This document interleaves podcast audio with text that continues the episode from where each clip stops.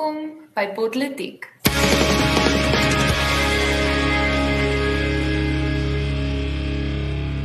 Alright, ek is Erns van Sail en saam met my ateljee is Sharnay Mostert en Louis Boshoff en in vandag se episode Rasreels plaas druk op landbou, misdaad wat nie ophou en hoekom moet ons die goud hou? Nou kom ons begin sommer by my storie wat ek vir vandag gekies het en dit is die Rasreels. Nou ehm um, wat hierdie storie nogal kompleks maak is daar is dat daar 'n hele Eh, verskeie hoeveelheid feite daar buite en van hulle is teenstrydig van die uh van die feite daar buite strook nie lekker met die realiteit nie. Nou uh daar's 'n paar partye wat dalk skuldig vir dit kan wees. Ehm um, mense wat dalk bietjie sensasionalisties is as dit kom by hierdie storie. So ek het vandag ek het met 'n paar regskenners gepraat en ek het met julle ek het vir julle die die ware feite van die basiese opsomming van wat hier aangaan. So volgens die mense met wie ek gepraat het, is uh hierdie die stand van sake met hierdie storie. So SADC lande en die EU en die uh, Verenigde Koninkryk, EU is nou die Europese Unie, het 'n ooreenkoms gesluit wat bepaal, dis al jare terug dat Suid-Afrika en die ander SADC lande, SADC is nou die die uh uh vereniging van al die Suid-Afrika suidelike Afrikaanse lande um, is dat hulle 'n spesifieke kwota landbouprodukte kan uitvoer na Europa tariefvry. Nou 'n tariefvry beteken in ander woorde dat daar word nie uitvoerbelasting daarop gehef nie. En ek sal aanneem uh dit is dit is 'n uh sal 'n redelike hoeveelheid produkte nie te neem wees, maar daar is 'n plafon op dit. Uh die departement van landbou het 'n uh, prosedure uh, uh uitgevaardig dat en hier is nou waar die storie inkom dat uh, boere moet aansoek doen vir 'n permit om tariefvry te kan uitvoer na die EU en die VK. Een van die oorwegings in die aansoekproses is onder andere jou swart ekonomiese bemagtiging telling. Hierdie proses verbied nie boere wat nie swart ekonomiese bemagtiging teikens haal om uit te voer nie dis wat deur party berig was dit maak egter rasse teikens 'n bepaler van of boere tariefvry kan uitvoer na die EU en die VK so vir my eenvoudig dit gaan nie eens regtig oor of uh dit dit is nie dit maak nie saak of boere kan uitvoer of nie. Die die blote feit dat daar rasse teikens en rasse diskriminasie so ingewerk word by 'n beleid vir uitvoerprodukte in 'n hoogs kompeterende mark soos landbou veral uitvoer uh, landbou ge, vir uitvoer is is onaanvaarbaar. Dis regtig uh, dit is al klaar erg genoeg. Dis nie eens nog gepraat van as uh, die die eerste bewering wat in die media uh, rondgedryf het dat boere nou glad nie gaan kan uitvoer nie. Net die blote feit, die die feit dat daar hierdie rasseteikens daarin is, beteken dat boere in elk geval as hulle nie daai tariefvry uitvoere het nie, gaan hulle in elk geval nie kan kompeterend wees soos wat ek dit sien in in Europa nie. Wat beteken dit gaan net sowel wees dat hulle asof hulle nie kan uitvoer nie want as hulle as hulle produkte veel duurder is weens hierdie tariewe wat hulle dan moet betaal, ehm um, gaan dit gaan niemand dit in Europa koop nie want hulle gaan nie kan kompeterend wees met die plaaslike produsente daar nie. So natuurlik, um, ek dink Europese boere klap hulle hande vir hierdie tipe uh, rasse diskriminasie en rasmalheid in Suid-Afrika want dit beteken Suid-Afrikaanse produkte uh, gaan nou nie kompeterend uh in hulle op hulle markte wees nie. Maar ja, dis die die agtergrond vir nou. Ehm um, soos ek sê, ek moes ook self eers bietjie met 'n paar kenners gaan praat um om seker te maak wat is nou regtig die regte feite stel hierso want daar's 'n hele paar uh teenstrydige feite daar buite. Ja, erns uh, volgens die mense met wie ek gepraat het, ek het al 'n paar stories gehoor wat so begin het. Ehm um, maar ek ek glo jy het daarom 'n paar kundiges se insette gehoor. Ehm um, ek wat my insette aan betref uh, as 'n mens jouself afvra oor uh, sê nou 'n uh, sitrus uitvoere uit Suid-Afrika uit uh die die pad wat 'n uh, lemoen van 'n boom by Groblersdal vat tot op 'n winkelrak in Europa is 'n redelike lang paadjie en daar's baie regulasies wat daarbey betrokke kan wees. So die ehm um, dis heeltemal te verstaan dat die hoofopskrif op uh, van rapport of so nie in een sinnetjie kan saamvat presies wat gebeur het nie. So ons het 'n bietjie vreemde beriggewing hier oor gesien ehm um, van die een uiterste uh, wat sê dat wit boere gaan nie meer kan uitvoer nie en dan 'n volgende publikasie wat sê nee, dis alles leuns, daar's eintlik geen uh, niks wat wit boere verbied om uit te voer nie. Maar ehm um, uh, ek dink dit dit kom dalk neer as jy 'n boer is of 'n groot boerdery, let op na die regulasies en kyk wat jou boerdery beïnvloed en probeer inskakel by drukgroepe wat uh daar daaraan kan verander en uh om dit, dit is iets uh, soos jy sê die die kern kom daarop neer waar ras 'n faktor is pleks van bevoegdheid pleks van markwaarde dan moet dit beveg word.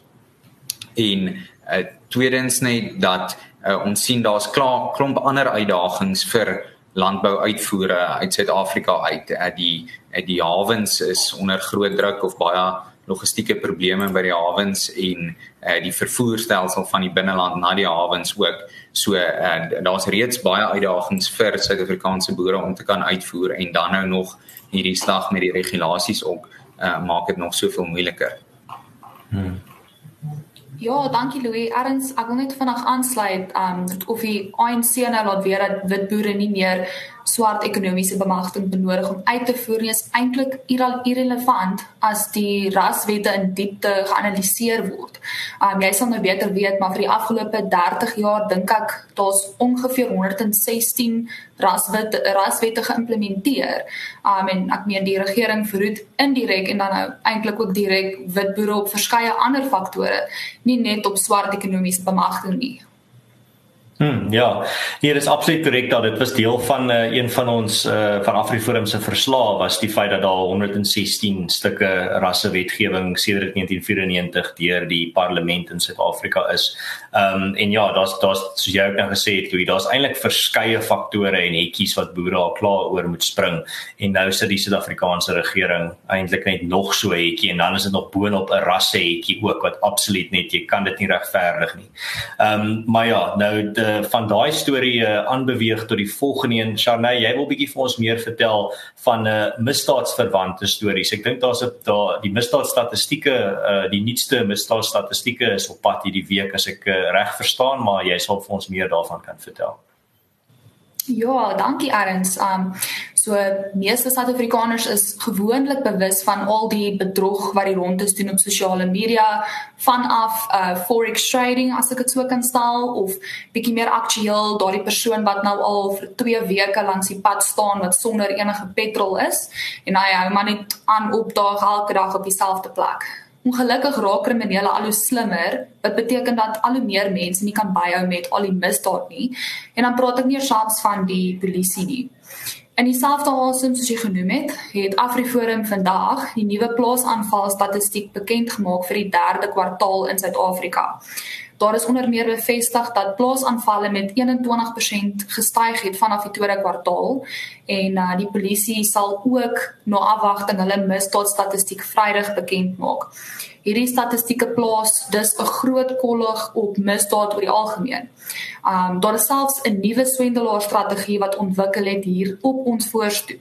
Skoolgaande dogters word gestuur na volstasies om hulp te vra, heel onskuldig. Um hulle hoofteiken is gemik op mans. Een dogter sal onder meer in paniek verduidelik dat haar selfoon pap is en dat sy nie kontak kan maak met haar ouers nie en sal dus nie by die huis kan kom nie. Die man sal onmiddellik ingryp en hulp aanbied waarna die dogter in die kar klim en 'n groot boei opskop. Sy sal selfs begin skree, skop, slaan, net 'n groot boei. Skielik arriveer 'n beampte um, van die polisie of die metropolisie en ondervraag die man. Die beampte verduidelik dan dat die man onmiddellik 'n sekere bedrag moet betaal om die dogter vry te laat of anders word hy gearresteer vir verkrachting, ontvoering en so meer. Um daar's 'n tweede geval van twee Mosambikers wat gearresteer is waarna 52 straatligte in hulle besitting uh, gevind was. Die gesteelde straatligte se waarde is om en by 2 miljoen rand werd en is gesteel hierso ook op ons voorstoep in Suid-Afrika van die grense wat nog wel staan tussen Suid-Afrika en sy buurlande lyk like, al hoe meer soos 'n uitnodig vir uitnodiging vir hierdie kriminele aangesien dit baie maklik is om die land binne te kom. Al die groeiende gevalle kan enige mens moedeloos maak en daarom moedig Afriforum die publiek aan om deel te raak van hulle plaaslike buurtwagte. Gemeenskapsveiligheid is die enigste oplossing vir die gruweldade Dit is ook belangrik om bewus te wees en ander te waarsku teen neuwe swendelaars of misdade in die omgewing en dit is wat AfriForum ook doen met hierdie misdaadstatistiek wat ons vandag bekend gemaak het.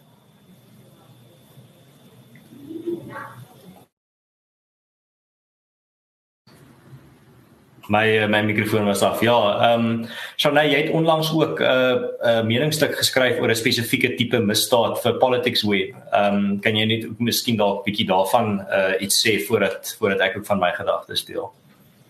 Ja, sekerlik. So hierdie meningsstuk fokus op georganiseerde misdaad en ek verstaan onder die publiek weet verskeie mense nie eintlik wat die term georganiseerde misdaad beteken nie.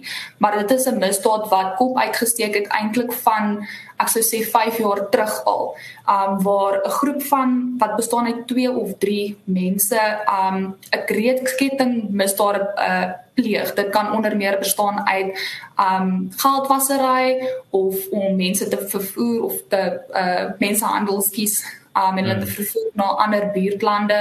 Um dit is gruweldade en dit het vreeslik die hoogte ingeskiet soos die tegnologie ook meer ontwikkel. Um so hierdie meningsstuk het ek net meer uitgebrei op die verskillende groepe wat jy kry. Jy kry jou trafficking groep, maar dan kry jy ook jou groep wat meer geba ge gebaseer is op die um area spesifiek spesifiek hmm. Mosambiek of die DRC in Kongo. Um maar jy gaan lees dit gaan lees dit gerus. Ekskuus, dit is 'n baie goeie meningsstuk um wat ek geskryf het, waar ek ek voel natuurlik so. Um baie passievol oor die oor die topik en ja. Hmm. Ja, en dit is op dis op politics web ehm um, beskikbaar. En uh, ja, nee, ek wil sommer net ook daarby gelas het as dit kom by die uh hoe gesofistikeerd uh misdaad in Suid-Afrika raak. Dis eintlik dis eintlik ook 'n simptoom van 'n verswakkende regering in die sin dat waar daar 'n vakuum van mag of beheer is, gaan daar iets daai vakuum vul. Dis nie net natuurlik waar waar 'n regering swak is, gaan daar uh gaan daar altyd nuwe uh net meer misdaad wees nie. Daai misdaad gaan ook of daai misdadigers en mis, misdaadnetwerke gaan op die ou end eintlik 'n alternatiewe mag magsenter begin vorm in uh, teen uh, in in daardie vakuum geskep deur die regering. So dis eintlik dit is nou 'n donker onderwerp en is tog ook 'n fascinerende verskynsel om dop te hou want dit is dit is 'n dit is deur onwettige aksies wat hierdie misdadigers eintlik ook 'n regering op hulle eie word. Hulle raak 'n magsbasis wat die regering aan aanvat vir uh, op gronde van uh, mag en beheer oor gebiede, oor sekere areas, oor sekere strate En dit is 'n verskynsel in Suid-Afrika wat ek dink eintlik al die donker kant van uh die die reaksie op staatsverval is. Daar's nou natuurlik die positiewe kant ook van uh, gemeenskappe wat organiseer en uh die vakuum vul wat deur die regering gelaat word. Ons sien dit nou natuurlik in die vorm van buurtwagte, ehm um, nie regeringsorganisasies soos uh AfriForum wat uh, uh slaggate vul en strate skoonmaak en uh dienste lewer aan hulle gemeenskappe. Maar terselfdertyd ja, daar soos jy nou eh, tereg uitgewys het, uh, Charley, daar's 'n donker kant ook aan hierdie uh, teenreaksie teen staatsverval en daai donker kant is 'n uh, meer gesofistikeerde misdaadswêreld en 'n uh, meer uh, magtige misdaadsnetwerke. So dis definitief iets om van op hoogte te bly en om te monitor want dit gaan uh, dit gaan die doen en late in 'n land soos Suid-Afrika uh, definitief affekteer. Ja, Ernst, jy het net so 'n bietjie gepraat oor die oorsake daarvan uh, van hierdie misdadigheid en uh, hoe 'n uh, vervallende staat of vervallende regering uh, hiertoe lei. Maar uh, as ons bietjie kyk, wat is die gevolge daarvan? Ehm, 'n um, 'n term wat deesdae baie gebruik word of wat ons die regering graag hoor gebruik is die social solidarity of ehm um, maatskaplike samehorigheid en uh, sulke vlakke van misdadigheid in die samelewing vernietig weer absoluut die samehorigheid onder mense en uh, ek is seker almal van ons wil graag in 'n land bly waar as jy uh, 'n nood is en langs die pad gaan staan jy sal hulp ontvang van iemand of waar jy uh, die geleentheid het om iemand te help wat in nood langs die pad staan of wat nie uh, wat 'n oproep wil maak of so iets. Maar ons sien dat die die misdadigheid in die land skep sulke vlakke van wantroue dat mense naderhand nie meer bereid gaan wees om uh, mekaar met algemene hulp by te staan nie en uh, uh, as 'n as 'n geldige bekommernis ook uh, dit is sodat 'n mens wil nie graag mense aanmoedig deesdae om hulle bloot te stel aan uh, of om hulle self 'n teken van misdaad te kan maak deur net hulp te wil aanbied op plekke nie. En ehm um, wat die oplossings daarvoor aanbetref, uh, verwys ons graag na dinge soos sluit aan by jou buurmag en kry selfverdedigingsopleiding en ehm um, oorweeg om 'n vuurwapen te kry en kry opleiding om 'n vuurwapen te hanteer ook as jy een het en en dit is alles baie belangrike stappe en uh, ons sal dit steeds aanmoedig. Maar verder as dit moet ons uh, al uh, al verder dink ook en nog waar gaan ek bly en om te vra waar Suid-Afrikaners uh, baie migreer binne die land is dit voorheen die die faktore wat mense oorweeg net dinge soos hoe is die klimaat op die dorp waar ek heen gaan ehm um, of, ja, of ja hoe kies ek 'n dorp op grond van die klimaat of die huispryse of die werksgeleentheid en nog 'n baie belangrike faktor wat deesdae oorweeg sal moet word is hoe lyk die veiligheid en die veiligheidsstrukture uh, op 'n plek waarheen ek oorweeg om na te trek. En as ek woon in 'n area waar misdaad absoluut besig is om die hoogte in te skiet en daar is nie 'n gemeenskap wat my kan ondersteun nie, dan moet ek dit op 'n punt ernstig begin oorweeg om te trek na 'n area waar daar 'n sterk gemeenskapsinstelling is wat veiligheid kan bevorder en aantal. Reg. Ehm um, so nou ek sien jy wil gevindig iets bylas. Ehm um, jy kan jy kan gerus. Ja, Louis, ek wil net vanaand aansluit. Um, ek dink Erns het ook een keer gesê mense moet verstaan die gras is nie altyd groener aan die ander kant nie. Um dit lyk altyd verskriklik mooi in 'n land soos Amerika of 'n dorp soos New York, maar daar's ook gruwelmisdade wat daar ook gebeur. So dit is maar net vanaand wat ek wil bylas dat die gras nie altyd groener is aan die ander kant nie. Ja, en ehm um, daar's nogal iets wat ek gister raak gelees het nou dat jy dit noem wat vir my ook nogal uh skokkend was en net gerie die storie hierso kry eh, wat in Amerika gebeur het waar ehm um, 'n chickie se televisie ehm um, span was uh, was beroof uh, terwyl hulle besig was om daarso 'n nuus storie te dek in in San Francisco in Amerika. Nou uh, selfs in Suid-Afrika het dit al gebeur. Hier was al stories van uh, nuusspanne wat in Suid-Afrika ook uh uh die slagoffers van misdaad was maar selfs in in Amerika en hulle groot stede uh gebeur daar ook uh gruwelmisdade. Dis eintlik 'n situasie wat besig is om te vererger in Amerika en dis iets wat mense moet uh natuurlik dophou. Um Louis, die storie wat jy vir vandag gekies het is nogal 'n storie wat ek dink uh, baie onder baie mense se radar gevlieg het. Ek self het nie dit raak gesien nie. Dit gaan oor die uh dit gaan oor goud. Dit gaan oor die die tesorie wat bietjie uh met die reservebank praat oor goudreserwes. Uh, kan jy asseblief vir ons bietjie inlig daaroor wat wat hoekom is dit so 'n groot storie? Hoekom moet ons omgee? Ja, trek my jou asem diep in as jy wil saam lees, maar dit gaan oor die goud en buitelandse valuta gebeurlikheidsreserve rekening. En dit is 'n uh, rekening van die Reservebank wat uh, soos die naam sê goud en buitelandse valuta in het ter waarde van omtrent 460 miljard rand.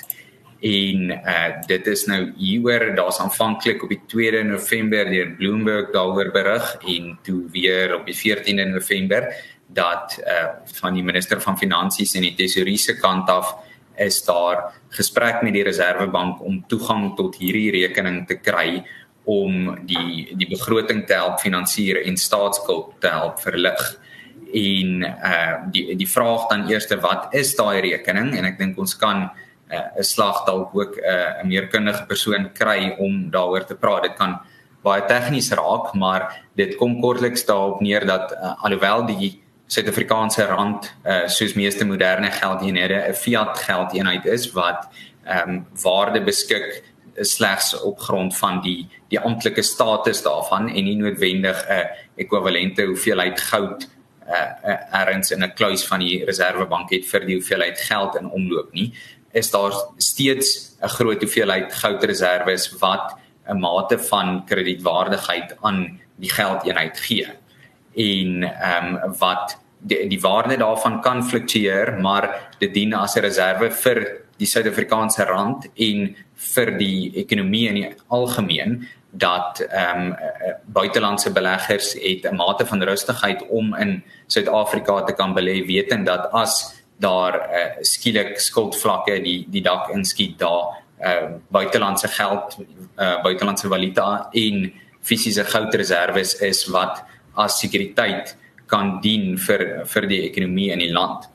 Nou ehm um, die tog is dit baie aanloklik om te kyk na hierdie goudreserwes want ons almal weet van die uh die algemene uh, tekort op die staat se begroting en 'n uh, belastinginvordering wat nie na wense is nie en staatsskuld wat al hoër word. En nou is daar uh, skielik word hierdie hier net gepraat van 460 miljard rand se se goud en en buitelandse valuta wat mense nie van geweet het nie en uh hoekom kan ons dit nie net aanwend hiervoor nie? Daar daar staan soveel nood om dit aan te wend maar ehm um, bloot bloot uit die aard wat dit is ehm um, as 'n mens sal vra hoekom is dit gevaarlik om uh vir die tesourier toegang te gee tot hierdie geld?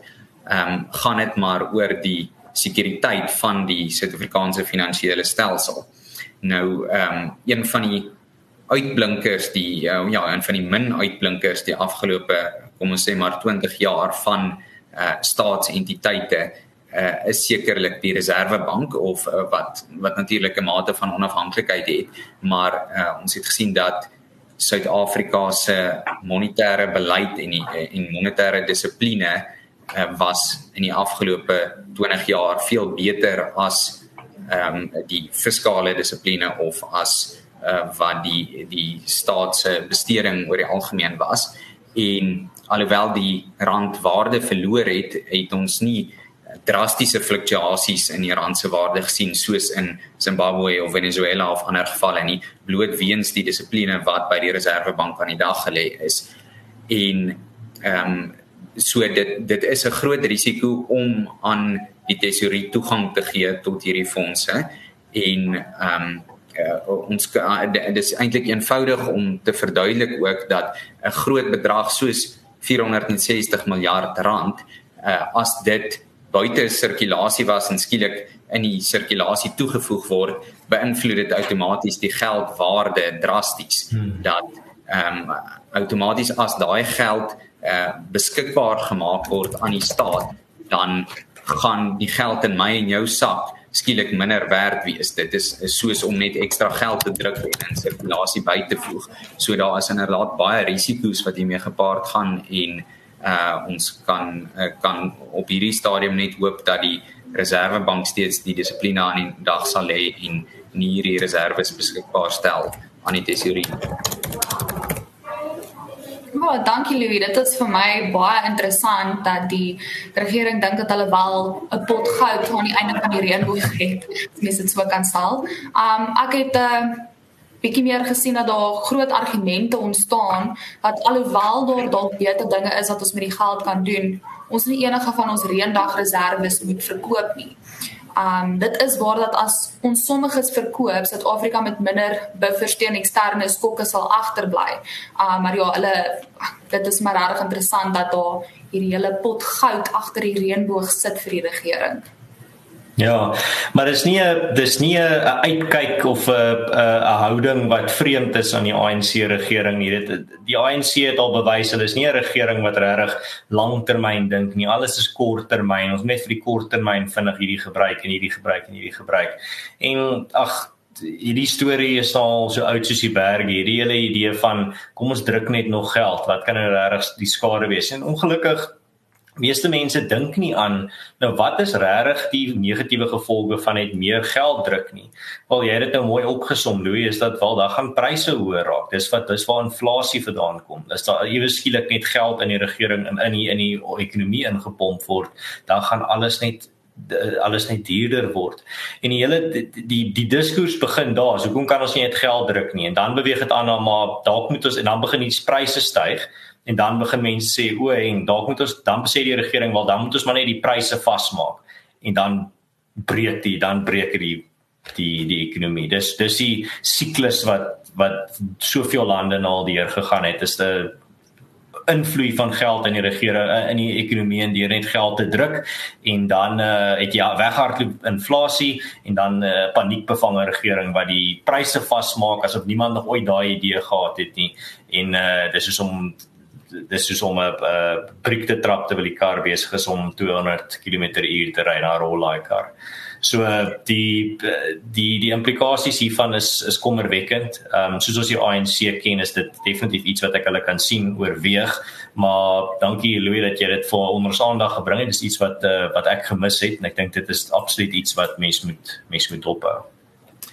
Ja, erns het so 'n bietjie geraak aan die politieke motiewe daar agter en dit eie is aan die aan die aard van die ANC om so iets te doen. Maar uh, ek dink dit is baie interessant die uh, om so 'n aankondiging te maak uh, as die minister van finansies as 'n politieke skuif dat ehm um, ons het gesien dat uit al die ministers op die oomblik is die minister van finansies 'n uh, mate van 'n remskoen en uh, ons kon sien in die begrotingsrede onlangs en in uh, uitlatings wat hy in die media gemaak het dat hy uh, alhoewel mense nie kan sê hy's hy's totaal konservatief of versigtig nie, ehm um, probeer hy hier en daar 'n bietjie breek trap. En ehm um, so as mense vra van al die stappe wat geneem kan word om die begrotingsbalans te herstel is van die dinge wat al voorgestel is soos om welsynstoelaat te bekamp dat dat staatsbesteding minder moet word en dit sal natuurlik 'n polities baie ongewilde besluit wees. Dieselfde om uh, byvoorbeeld Transnet of staatsentiteite te privatiseer, uh, gaan onmiddellik lei tot heelwat minder staatsuitgawes, maar weer eens 'n uh, polities baie ongewilde skuif. En hierdie uh, klink net so goed op die ore van uh, oningeligte kiesers. Ehm um, en nie dat alle kiesers in die land noodwendig oningelig is nie, maar uh, iemand wat gister en eergister van niks geweet het nie en nou net hoor hier's 460 miljard rand en uh, dit gaan nie dit gaan nie my werk kos of my toelaag wegneem nie. Dit gaan nie maak dat ek nie meer gratis by 'n uh, hospitaal kan instap of wat ook al nie en uh, waarom is dit nou nie 'n slegte idee nie. So 'n uh, polities baie veilige uh, aankondiging om te maak vir uh, die minister van finansies en uh veilig teenoor die kiesers aan die een kant en veilig ook dit gaan nie vereis dat staatsamptenare afgedank moet word om so skuif te maak nie. Dit is nie dat daar uh duisende mense in diens is wat daai goud uh, dag vir dag staan en dophou soos wat daar duisende mense in diens is by SAL of of so iets nie. En uh, daarom tipies dat die minister van finansies so aankondiging sal maak wat beide sy sy mede-partylede sowel as 'n groot aantal ANC kiesers goed op die oor val. Maar sodra daar 'n bietjie dieper ondersoek ingestel word ehm um, besef ons dis 'n baie gevaarlike aankondiging om te maak. Hmm. Ja, wel, eh uh, dankie dat jy dit ons aandag gebring het, Louis, en dit ja, dit bring ons ook nou by die einde van ons episode.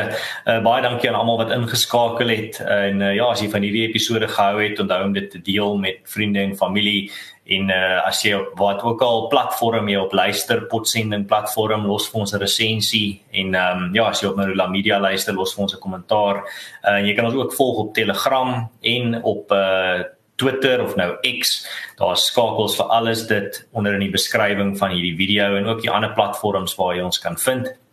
En uh, ja, ons uh, my Sharnay en Louise en Arno se uh skedules is baie besig. So daar's baie weke waar ons net uh die werk prioriteit uh prioriteit kry waar ons nie tyd het om hierdie tipe episode te doen nie, maar ons uh sal absoluut uh, ons bes probeer om 'n uh, weeklikse episode uit te bring. So hou maar net hierdie uh YouTube kanaal dop en jy kan ook op hoogte bly van wanneer ons regstreeks gaan deur daai klokkie te klik net hier onder die video. Dis daar langs die inteken knop hier. Dit gaan ook vir jou help op hoogte bly van wanneer ons regstreeks gaan. Alrite, dankie dat julle ingeskakel het. Lekker week en lekker naweek vir julle en dan gesels ons weer volgende week. Totsiens.